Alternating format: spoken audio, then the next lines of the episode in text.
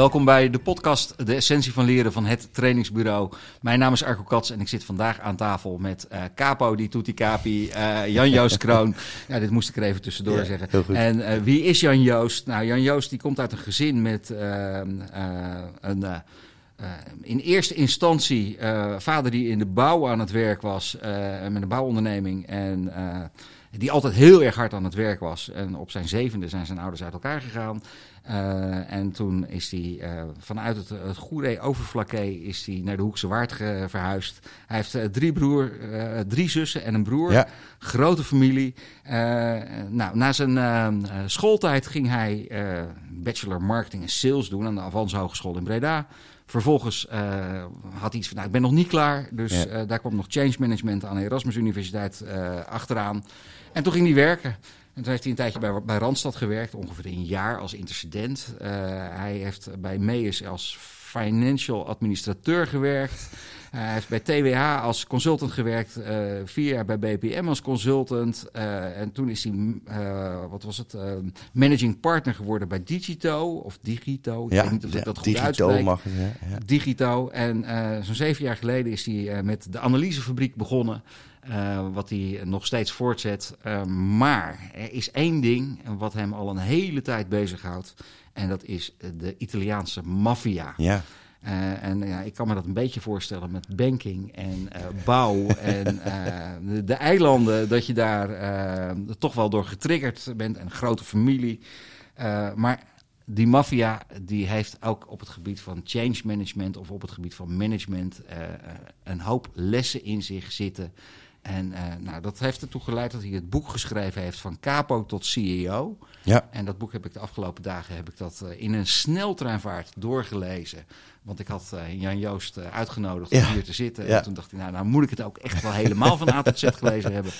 Dat is gelukt. Uh, en ken Jan Joost, uh, dat is gelukt. Ja. Ken Jan Joost uh, vanuit JCI, een organisatie die ook zeg maar, qua structuur wel wat overeenkomsten vertoont Ja. met rituelen en, en dat soort zaken. Jan Joost, heb ik jou zo een klein beetje goed voorgesteld? Ja, ik eh, ben verrast door, eh, door de hoeveelheid kennis die jij er even op, op hebt gehaald over mijn verleden. In elk geval, eh, Arco. En eh, ik moest zelf ook weer eventjes denken, wat waren ook weer de baantjes die ik in mijn studententijd... En ik moest gelijk weer even denken aan Randstad, wat ik inderdaad gewoon een jaartje als heel leuk als intercedentenwerk heb, eh, heb gedaan. Ja, in de mensenhandel. In de mensen, dat, ja, dat, eh, dat, dat- die vergelijking die heb ik inderdaad ook wel eens vaker gehoord. Ja.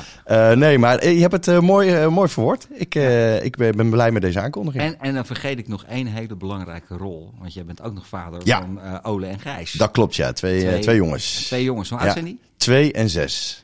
Twee en zes. Ja, twee mannetjes. En eh, hoe, hoe keek je die aan tegen een eh, schrijvende vader? Nou ja, ik moet heel eerlijk zeggen, kijk, die van, van twee, die had het eigenlijk niet zo heel veel door wat er nou eigenlijk allemaal gebeurt. Maar mijn oudste zoon, die had op een gegeven moment toch wel door van, joh papa, wat ben je nou toch aan het doen? En toen kreeg ik de eerste versie van het boek. En toen stond zijn, de foto van papa achter op het boek. En toen vond hij toch wel heel interessant.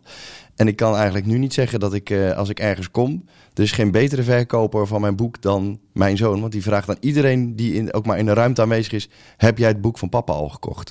Kijk, dat is een hele goeie. En anders komt hij het vertellen als ze het nog niet gedaan hebben. Maar dat is ook wel volgens de familie, eh, familietradities van de maffia, of niet? Ja, je moet ze wel goed instrueren natuurlijk. dat je moet ze op de juiste manier opvoeden. Dat stop je daarin. hey, eh, je hebt het, het, het boek van Capo tot CEO geschreven. eh, en er staat dan voor op de kaft leerzame inzichten van de Italiaanse maffia. Van waar die interesse in, eh, in het mafioze gebeuren? Ja, nou, ik, ik, voor mij begon het eigenlijk zoals voor best heel veel mensen die interesse hebben in dit genre. Ook gewoon met, met, met nou ja, de, de films die je voorbij ziet komen eh, in de jaren negentig was dat dan Ja. voor mij. Hè? Dus dat was... eh, eh, ik, ik vond Scarface, dat is geen, niet echt een maffiafilm, maar dat is wel een film met El Pacino. En toen ben ik een Ja. beetje verslaafd geraakt aan El Pacino. En die kwam vervolgens in eh, 1997 met een echt een fantastische maffiafilm uit. Donnie Brasco. Ook een film die echt, echt wel voldoet aan heel veel eh, elementen die, op- die op waarheid gebaseerd zijn in het Ja. werkelijke leven. En op dat moment ben ik wel gaan denken van ja, oké, wat eh, dit is wel een mystieke wereld, een interessante wereld. Dus ik ben vanaf dat moment alles gaan sparen en verzamelen. En eigenlijk naar aanleiding van mijn studie bedrijfskunde, die ik op de Erasmus ben Ja. gaan doen, waarin ik ja, dan leer hoe succesvolle bedrijven in elkaar zitten. Nou goed, er komen er allemaal voorbeelden voorbij van bedrijven ja, eh, die jij en ik kennen. Dat zijn, eh, zeker op de universiteiten wordt er vooral naar corporates gekeken op dat Ja. moment. Zeker in die tijd nog. Hè. Dus Dan hebben we het over 2005. En dan was Philips en Shell waren nog steeds hele interessante bedrijven om voor te werken. En dat vond ik toen al niet. Maar bij mij knaagde er, eigenlijk begon toen een beetje te denken van ja, maar ik vind ook dat wij als bedrijfskundigen iets kunnen leren van een organisatie waar iedereen misschien een heel ander beeld bij heeft. Maar zij doen, als je de criminele elementen maar kunt bevriezen, uh, en dan heel goed naar hun bedrijfsvoering kijkt, dat zij dingen heel slim. Nou, je, je kan ook foute dingen op een hele goede manier uitvoeren. Ja, nee, ja, absoluut. Ja, dat is zo mooi. Als je kijkt naar de uitvoering. Ben ik wel eens. Ja. Uh, ik, ik, ik, heb dat ook gehad uh, op, op het moment dat Al-Qaeda zo actief was. Ja. de manier waarop men daar dingen georganiseerd krijgt en alle terroristische organisaties. Nee, absoluut. hoe knap dat in elkaar zit. Ja. Dat ze dat voor elkaar krijgen. En eigenlijk onzichtbaar. Ja. Ja, juist onzichtbaar. Ze zijn, uh, dat is natuurlijk ook de kracht van dat soort type organisaties. Ze doen alles zo op de achtergrond dat ze uh, voor, voor, voor jou en mij in ieder geval niet, uh, niet zichtbaar is wat zij doen. maar wat ze doen, doen ze wel tot, tot imperfectie. Uh, en, en dat vind ik dus ook wel. En hetzelfde geldt voor de maffia, maar dat geldt inderdaad ook voor terroristische organisaties. Die ook een beetje op een soort celachtige manier ook gestructureerd zijn. Ja, die zijn vanuit bedrijfskundig perspectief super interessant om, uh, om nader te onderzoeken hoe, hoe, hoe ze dat doen. En, en waar zit hem dan dat, dat stukje in? Want die organisaties hebben zo'n mega loyaliteit van hun leden. Ja. Ja. Uh, heb jij een beeld waar dat vandaan komt? Nou ja, kijk, dat, dat is uh, mijn interpretatie van alles wat ik gezien en van alles wat ik gelezen heb. En ik ben natuurlijk ook wel echt uh, veel verder gegaan dan alle films. Ik heb heel veel boeken gelezen, ja. uh, ook hele goede boeken. en mijn conclusie is eigenlijk dat dat gebaseerd is op de ideologie van, van de organisatie. Dus het verhaal waarom dat mensen zich verbonden voelen aan een verhaal, aan een doel, aan een richting, aan saamhorigheid. Ja. Uh, dat, dat dat hen bindt aan elkaar. En dat ze daardoor ook het gevoel hebben dat ze echt door het vuur moeten en kunnen gaan. En ook omdat ze denken van ja, maar we doen het samen, we doen het met elkaar. We laten elkaar niet los. Ja. Uh, we blijven bij elkaar, no matter what. En, en, en uh, op het moment dat je dan zeg maar onderdeel mag zijn van zo'n omgeving, dat je dat zo'n goed en vertrouwd gevoel geeft, dat je dat ook heel veel uh, loyaliteit brengt als organisatie. Ja. En uh, dus de kracht van dit soort uh, type organisaties zit hem wat mij betreft in de ontzettend sterke ideologie van de organisatie. Dus is de ideologie en het, het, het uh, lifetime verbonden ja. uh, van de medewerkers, wat natuurlijk ook niet altijd op de allervriendelijkste manier gaat. Nee. Dat mensen daar. Uh, nee, nee, kijk, het is, zijn. het is natuurlijk een geweldige paradox, hè? Want je hebt het aan de ene kant over vertrouwen en aan de andere kant heb je het ook over angst. Ja. dat zijn natuurlijk twee dingen die, die even relevant zijn. En daar kan ik ook echt geen ander verhaal van maken, want dat is gewoon zo. Want ja, de kurk van de organisatie van de, van de Italiaanse maffia, maar van veel meer criminele organisaties, die, die, die, zij, zij drijven op vertrouwen. Ja. Want er wordt geen contract getekend in, bij grote deals of bij arbeidsovereenkomsten. Ja, je moet er is wel één heel duidelijk contract wat niet getekend wordt. Want op het moment dat je afwijkt van, van de afspraak, ja. Uh, dan is het uh, ook... Dan is het vaak einde verhaal. Of, ja. uh, of nou, zeker als je, als je grove overtredingen maakt, dan weet je dat dat per direct gevaar in je eigen leven in gevaar brengt. En erger nog, ook wel eens van familie en of vrienden in je omgeving. Uh, maar dat zijn ook dingen die, die je weet op het moment dat je in zo'n organisatie instapt. Want je moet je je voorstellen dat uh, nieuwe medewerkers, noem ik het maar eventjes, die krijgen ja. ongeveer anderhalf, twee jaar de tijd om zichzelf te bewijzen aan die organisatie. En dan ja. moeten ze tonen dat ze bepaalde expertise hebben of uh, kennis of netwerk. Wat ze op een hele goede manier kunnen inzetten voor de organisatie. Mm -hmm. um, en in die tijd krijgen ze ook wel mee wat de mores en wat de, de, de, het reilen en zeilen van de organisatie is. Waarmee je geconfronteerd kan worden als dingen niet goed gaan. En, en als je nou zeg maar in die in recruitmentfase zit, mm -hmm. kan je er dan nog uitstappen? Ja. Ja, dan, Veilig. Ja, dan, dan, dan krijg je nog de gelegenheid uh, om, uh, om eruit te stappen. Maar dat, geeft je natuurlijk geen vrijbrief om uh, dan alsnog naar de politie te stappen, want dan heb je nog steeds een, uh, een probleem. Maar er zijn nog steeds voorbeelden van mensen die in die fase in het begin vaak toch afhaken, om wat voor reden dan ook. Ehm, hoewel dat niet vaak gebeurt, want je moet eigenlijk zo voorzien, met name bij de meest traditionele stromingen die ik in het boek behandel. Dat zijn echt de Siciliaanse maffia en de Calabrese maffia. Daar word je als uh, toekomstig nieuw medewerker moet je geïntroduceerd door iemand anders. Dus het is niet dat je jezelf kunt aanmelden van jongens, ik wil, uh, ik wil bij jullie komen werken. Er staan geen advertenties in. De nee, nee, nee. En op LinkedIn doen ze, zijn ze ook niet heel actief. Nee. Um, maar dus, dus, dus de, de, de stap om dan niet door te gaan is daar al wat groter. Maar als je bijvoorbeeld in Napels bij de Camorra kijkt, daar is het instapmodel wat lager. En dan zie je dus wel dus dat mensen in het beginsel denken, ja, dat vind ik wel tof. En later denken van, ja, maar de risico's zijn me toch iets te gortig. Ik ga er toch niet mee verder. Ja, dat is ook wel, wel mooi wat je, uh, je beschrijft de drie verschillende uh, organisaties. Ja. Die alle drie ook zeg maar echt een andere structuur hebben. Waarbij de een veel meer het traditionele familiebedrijf is. En waarbij ook uh, ja, eigenlijk kan je, als je in die familie zit, kan je er al sowieso niet onderuit, heb ik het gevoel. Nee.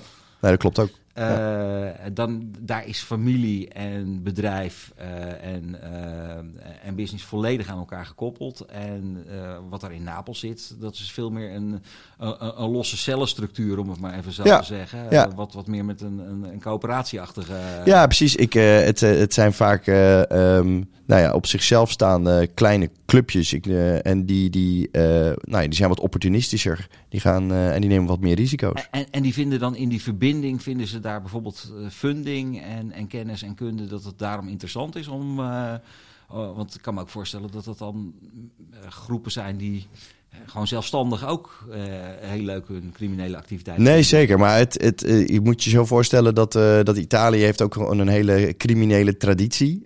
waarbij je ook gewoon hiërarchie hebt in van... Um, ja, ben jij een straatboef, dan stel je in die hiërarchie niet zo heel erg voor.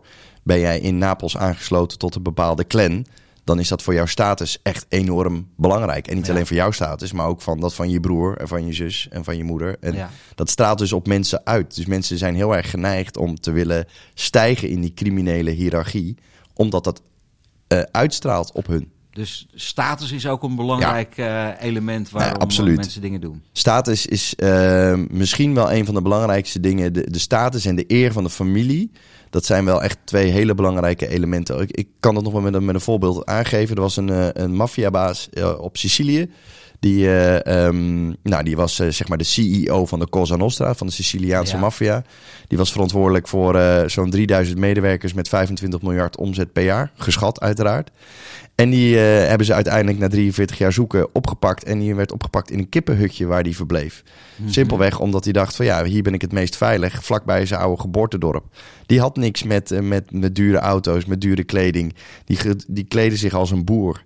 Maar ja, zo'n man was gewoon een hele machtige CEO met ontzettend veel geld. Maar die had totaal geen behoefte om dat uh, naar buiten toe uit te stralen. Maar, maar, zie je dit niet vaker? Als ik, als ik kijk naar grote organisaties, ja. zie ik heel vaak dat zeg maar, status en macht belangrijk is, zolang je het niet hebt. Ja, misschien, ja dat en, is misschien wel zo. En, en, zodra je het hebt, uh, wordt dat stukje op een gegeven moment wordt het minder van Minder belang. interessant, ook, ja. ook leeftijd speelt daar een rol in. Ik Oh. merk het uh, bij mezelf ook. Uh, een aantal jaar geleden vond ik het nog echt wel heel erg boeiend wat voor een auto ik had. Ja. En nu op dit moment interesseert me dat eigenlijk helemaal Nee, niks meer. nee, nee. Je behoefte verandert natuurlijk je behoefte ook. verandert in, eh, naarmate je meer eh, mogelijkheden of, of dingen hebt, dan ga je ook denken van ja, maar in die materiële spullen, daar zit het hem niet. Nee, dat is misschien ook echt wel zo. Hè. En, en dat is dus bijvoorbeeld ook het verschil tussen de, bijvoorbeeld de Cosa Nostra, die veel traditioneler is, maar bijvoorbeeld senioriteit heel erg belangrijk is. Want Ja. je kunt pas echt groeien in zo'n organisatie naarmate gewoon je meer eh, teller of jaar op de teller hebt staan. Ja. Terwijl je in Napels als 24-jarige bij wijze van spreken al een leider kan zijn van een clan.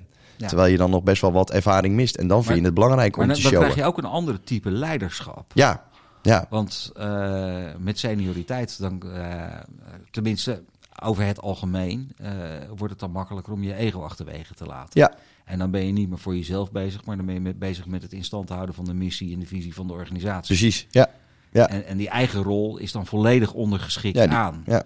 Nou ja, en, en, en dat zie je dus, eh, zeg maar, de, de, de snelheid van het, het, het eh, leiderschapsverandering binnen de, of binnen, binnen de Camorra bijvoorbeeld. Dat gaat heel snel, want die jongens die, die nemen veel risico's, maar die, die staan ook graag eh, in, in het publiek en iedereen mag ze zien. Dus Ja. ze zijn ook snel voor politie vindbaar, maar ook voor hun concurrenten.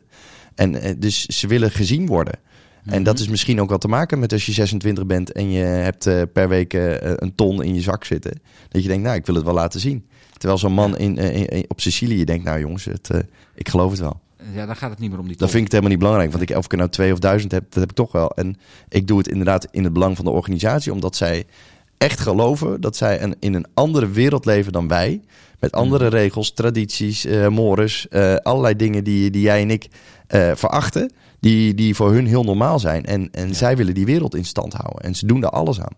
Ja, hey, ik, ik heb het, het, het boek doorgaan. Ik, ik, heb een paar uh, hoekjes omgevouwen. Oh, oké, heel goed. Stukken die ik, uh, die ik interessant vond. Mooi. Uh, je hebt ergens een pagina 26 zit dat, begint dat verhalen, rituelen, symbolen en identiteit. Mm -hmm. En daarin geef je aan voor medewerkers van de drie, even kijken, kunnen de verhalen die dienen om te geloven dat ze onderdeel zijn van iets groters, waarbij het omarmen, begrijpen en uitdragen daarvan van belang is.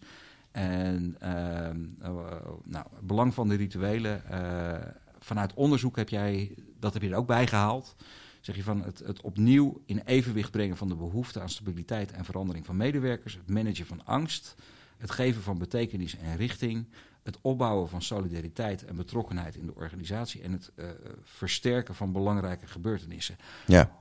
Hoe kijk jij aan tegen dat idee over rituelen en dat soort gebruiken in, in organisaties in zijn algemeenheid? Ja, ik denk dat dat uh, voor zeg maar de, de, de cultuur en de identiteit van het bedrijf essentieel is om een aantal rituelen te hebben. Uh, momenten dat je samenkomt, momenten dat je iets met elkaar viert of dat je iets herdenkt of uh, gewoon simpelweg bij elkaar komen om omwille van het groepsgevoel, het, het zijn van het bedrijf. En um, en dat doen zij dus heel sterk. Hè. Ze hebben een aantal van die elementen waar ze uh, bij bepaalde elementen altijd op terugkomen. En dat met elkaar vieren, herdenken, wat dan ook. Mm uh, en ik denk, en zeker in de, in de periode waarin we nu leven, waar, waarbij mensen geneigd zijn om wat meer thuis te willen werken. En wat minder op kantoor of wat minder ja. met je collega's. Dat ik me heel erg zorgen maak over bedrijven die op die manier dit soort, wat mij betreft, essentiële elementen van het vieren van bepaalde dingen uh, uh, gaan missen. Waardoor de afstand tussen de medewerker en het bedrijf groter gaat worden. En dus ook mm -hmm. de verbondenheid minder wordt. En, ja. en, en ik, daar maak ik me echt zorgen over.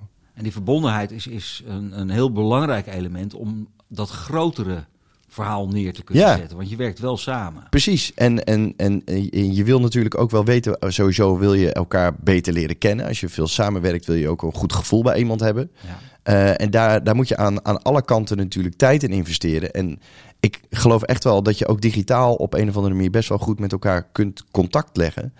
Uh, maar ik ben nog steeds heel erg overtuigd dat het fysiek samenkomen van mensen bij elkaar en bijvoorbeeld bepaalde belangrijke elementen vieren van een organisatie, ja, dat dat essentieel is. Ja, dat verbinding maak je namelijk ook niet alleen maar met, met je hersenen, maar ook met je hele lijf. Precies, met, ja. Met je het is veel meer. Energie en, en Ja. dat soort dingen. Uh, trouwens ook in uh, het, uh, het leger bijvoorbeeld, het, het samen marcheren. Dat zorgt ervoor dat je hartritme, dat dat van iedereen in hetzelfde ritme Ja. terechtkomt. Dat de ademhaling, dat die synchroniseert. Uh, in de kerk hebben ze het, het samen zingen. Ja. Dat geeft ook altijd een bepaalde vorm van verbond. En in de Ja. stadions zie je dat ook. ja, dat klopt. Ja, Samen zingen Ja. zorgt ook dat je ademhaling en je hartritme dat dat gesynchroniseerd wordt. dat is cool. En dat geeft een heerlijk gevoel. En dat geeft een gevoel van ik hoor erbij. Ja. ja, ik kende deze vergelijking niet, maar ik vind hem wel echt heel toepasselijk. En ik denk ook echt dat het zo is. Ja, en je ziet ook dat, dat in die hele maffia-organisatie, of in al die maffia-organisaties, dat er ook een aantal van die rituelen ook weer gebaseerd zijn op eh, godsdienstige Ja. eh, Ja, zeker. gronden. Ja, nee, en voor, voor hun is, eh, sowieso voor Italianen is de katholieke kerk nog steeds gewoon een heel belangrijk instituut. Hè? Italië Ja. is een heel gelovig land. Eh, heel veel verhalen die de, in, eh, in de traditie van de maffia zijn, hebben allemaal een link met een heilige of Ja. met een verhaal uit de Bijbel. Eh, en dat gebruiken eh, ehm, managers of CEO's of capo's in dit geval ook vaak wel om hun verhaal zeg maar, aan te verbinden. Ja, ik vind het dan wel heel knap hoe ze dat kunnen combineren met uh, een van de tien geboden. Gij zult niet doodslaan. Ja, ja, nee, ik denk dat ze er een paar hebben uitgewist in hun eigen, in hun eigen regeltjes. Dat, ja. dat, dat is dus ook zeg maar een van de, van de dingen van je pakt uh, algemene wetten en daar koppel je dingen aan en ja. dan haal je gewoon de dingen die niet passen. Ja, nou ja, en kijk, en, en ze, want ja, inderdaad, dat staat natuurlijk in de tien geboden, dat zullen zij ook ongetwijfeld wel weten. Uh, maar zij hebben de, de, de nadrukkelijke overtuiging dat zij leven conform andere wetten en regels. En ja. Ja, blijkbaar hebben ze dus ook uit de Bijbel bepaalde stukjes overgeslagen. Stukjes die, van die niet passen in zijn. het verhaal. Als het en, niet past, uh, dan, dan haal je dat eruit. En het is ook voor heel veel Italianen en uh, leden van de maffia, bijvoorbeeld ook in, in, in, in Napels, die zijn en jong en niet opgeleid. Sommigen kunnen misschien wel lezen, maar ze hebben echt nog nooit iets van een Bijbelse tekst, die gaan ze niet lezen. Dus als iemand dat voordraagt aan hun, dan denken ze, oh ja, het zal wel.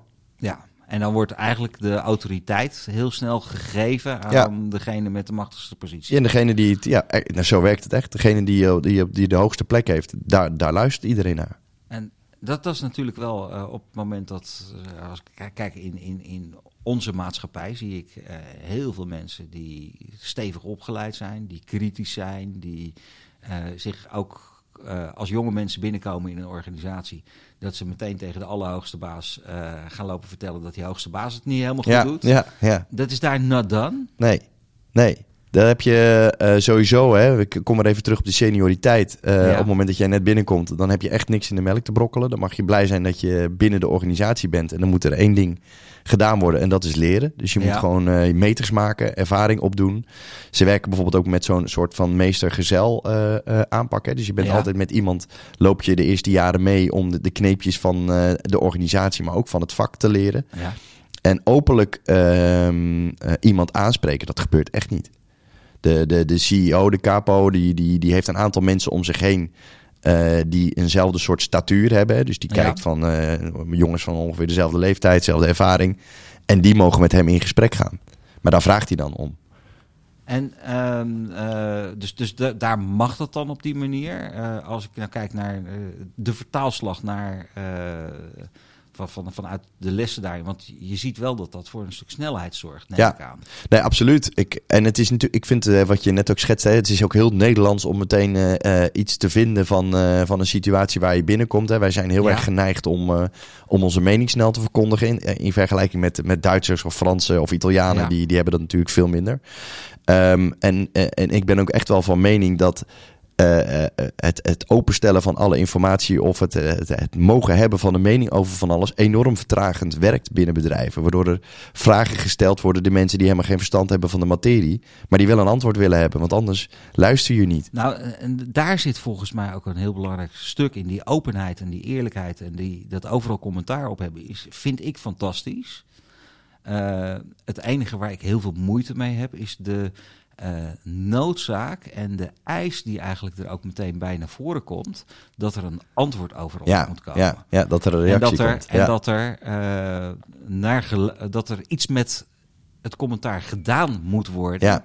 Terwijl je ook kan zeggen, hey, ik kan er wel naar luisteren. Ik kan die inhoud kan ik tot me nemen. En dank je wel voor ja, voor je, feedback. Ja, precies. En ja. ik ga bekijken en me beraden wat ik ermee doe. Ja. En dan mag je erop vertrouwen dat dat wel goed komt. Ja. Alleen dat, dat stukje vertrouwen, daar heb ik het gevoel dat dat, nee, dat... Uh, dat heel veel mensen ook iets hebben van... ja, maar dan moet er ook iets mee gedaan worden Ja. en ik moet een antwoord krijgen. Want ik heb daar toch een mailtje over geschreven of ik heb toch input aangeleverd. Ja, Ja. Nee, en dat, en, dus ik, die volg ik helemaal, want ik ben natuurlijk ook heel Nederlands, dus ik heb ook heel snel een mening over iets. Ja, Ehm, en als iemand er dan iets mee doet, dan denk ik, ik kan dat heel snel naast me neerleggen. Dat ik denk, nou ja, dan niet, prima. Ehm, maar ik ken ook heel veel mensen die dan heel verbolgen zijn. En, Ja. en, dat, en dat zorgt voor frustratie. En dat zorgt weer voor allerlei andere... ja want dan gaat het dus niet dynamiek. meer om... zijn we de organisatie aan het bouwen, maar Nee. dan gaat het om de ego. Ja, wordt mijn ego gestreeld. Wordt ja. mijn ego Ja, gestreeld, en ja. Dat, is, dat is natuurlijk niet iets waar, eh, waar de organisatie echt eh, baat bij heeft. Ja. Hey, ik, ik, eh, nog even een paar, paar stukjes verder. Want Ja. ik, had hier ja, verhalen, rituelen, beschermen, bewaken. En, en, en een heel helder doel. Ja, En eh, in die maffia is dat voor een heel groot gedeelte... eh, zit het doel erin, eh, in, een, in een financieel doel ook. ook. Ook. Maar wat nog meer? Nou, eigenlijk wat ik, wat ik al even eerder aanhaalde, is, is zeg maar die, die, die positie, die status. Uh, en die eer van, van uh, de organisatie waar je voor werkt. Hè? Dus, dus, dus waar sta jij in die criminele hiërarchie? En hoe hoger dat je staat, hoe belangrijker dat je bent. Uh, geld is um, zeker voor de, voor de grote organisaties meer een middel dan per se een doel. Um, mm. Want met geld kunnen zij natuurlijk heel veel dingen doen, dingen kopen, maar ook investeren. Ja. Of investeren in chantagemiddelen of nou ja, wat dan ook. maar het gaat er. geld is voor hun belangrijk, ja. Maar het gaat hun veel meer om positie, macht en status van de organisatie ten aanzien van de rest. Dus, dus het, uh, de onderliggende waarden, die zijn eigenlijk dus nog veel belangrijker. Ja, ja. Dat, dat is.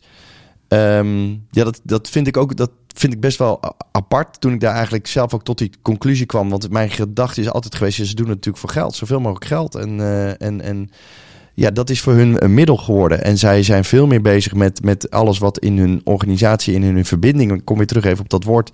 Uh, uh, daar investeren ze. Er zit ook een enorm stukje uh, zeg maar maatschappelijke betrokkenheid ook bij die organisaties. Hè? Ja, ja, en, het, ja. Het, als je erbij behoort, dan wordt er ook voor je gezorgd. Absoluut. Ja, en voor dan, jou en je dan familie. Heb je te eten en dan uh, als je iets nodig hebt. Ja. Uh, of je bent op wat voor reden dan ook even afwezig. Dan wordt er ja. gezorgd voor jouw vrouw en kinderen.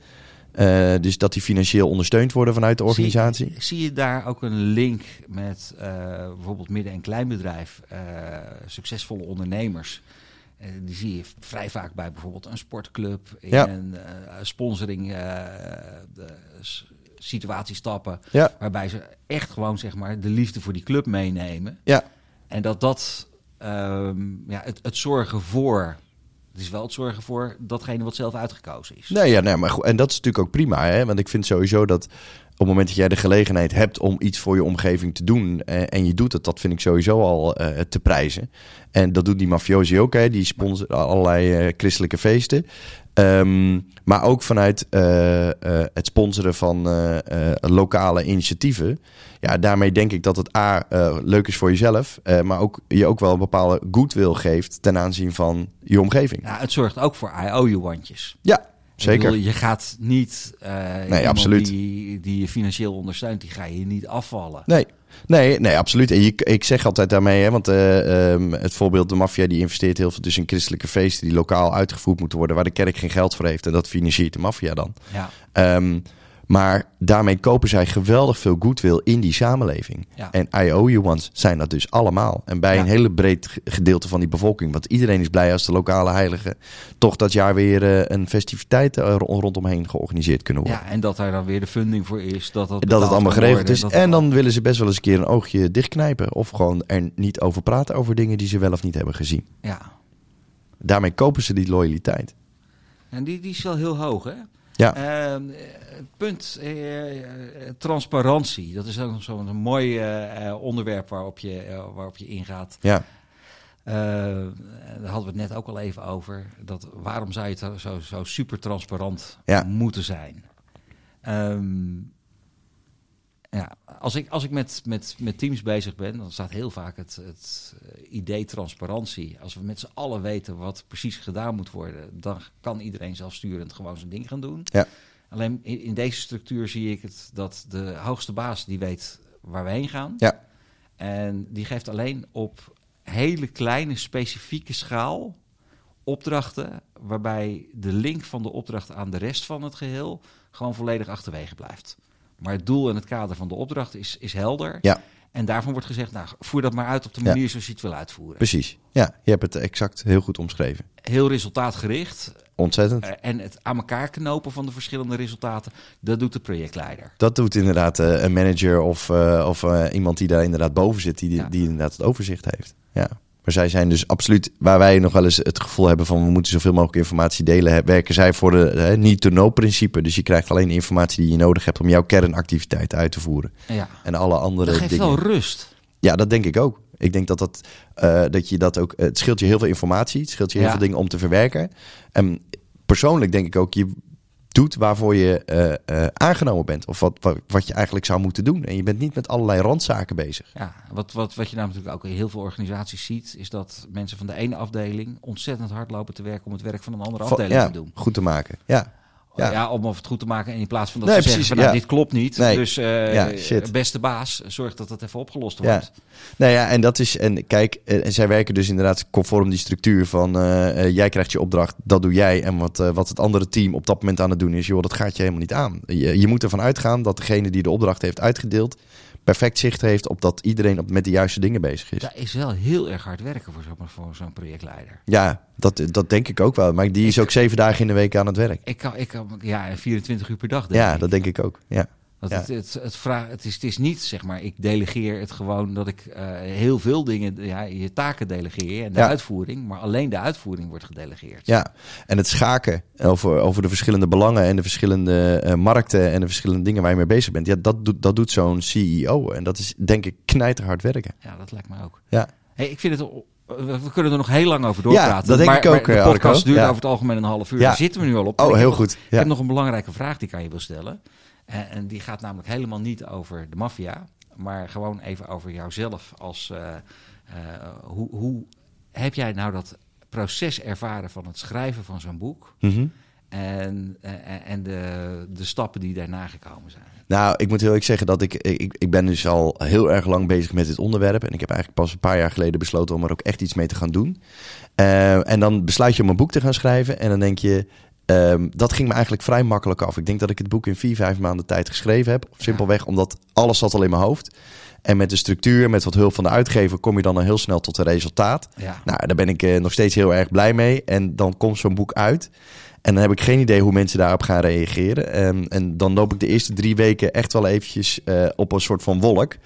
Uh, omdat ik zoveel leuke uh, reacties kreeg van mensen. En dan kom je ook weer in een heel nieuw element en dynamiek terecht in je leven. Dus dat is voor mij allemaal weer nieuw en spannend. Net zoals leuk als het te gast zijn in een podcast bijvoorbeeld. Ja, nou, ik ben ook hartstikke blij dat jij als in de podcast uh, aanwezig wilde zijn. Ja, ik ga hem nou ook afsluiten. Ja, nee, je hebt helemaal gelijk. Uh, ook. Als mensen meer van jou willen weten, uh, dan mogen ze altijd even bij het trainingsbureau aankloppen. en dan Sowieso. we in contact. Maar Geen het probleem. Boek, van capo tot CEO. Ik zou zeggen, echt lees het. Uh, hij is zowel uh, in e-book versie als ja. uh, in papieren versie. En ik zou zeggen, kies toch gewoon voor die papieren, want dan kan je aantekeningen in maken. Ja, daar kan je in kladderen. Heel goed. dankjewel voor, ja, voor, leuk. voor dit verhaal. Dankjewel. En nou, ik hoop dat we op het gebied van leren ook hiervan kunnen leren. Het perspectief verleggen. Precies. En elke organisatie en elke omgeving heeft je iets te bieden.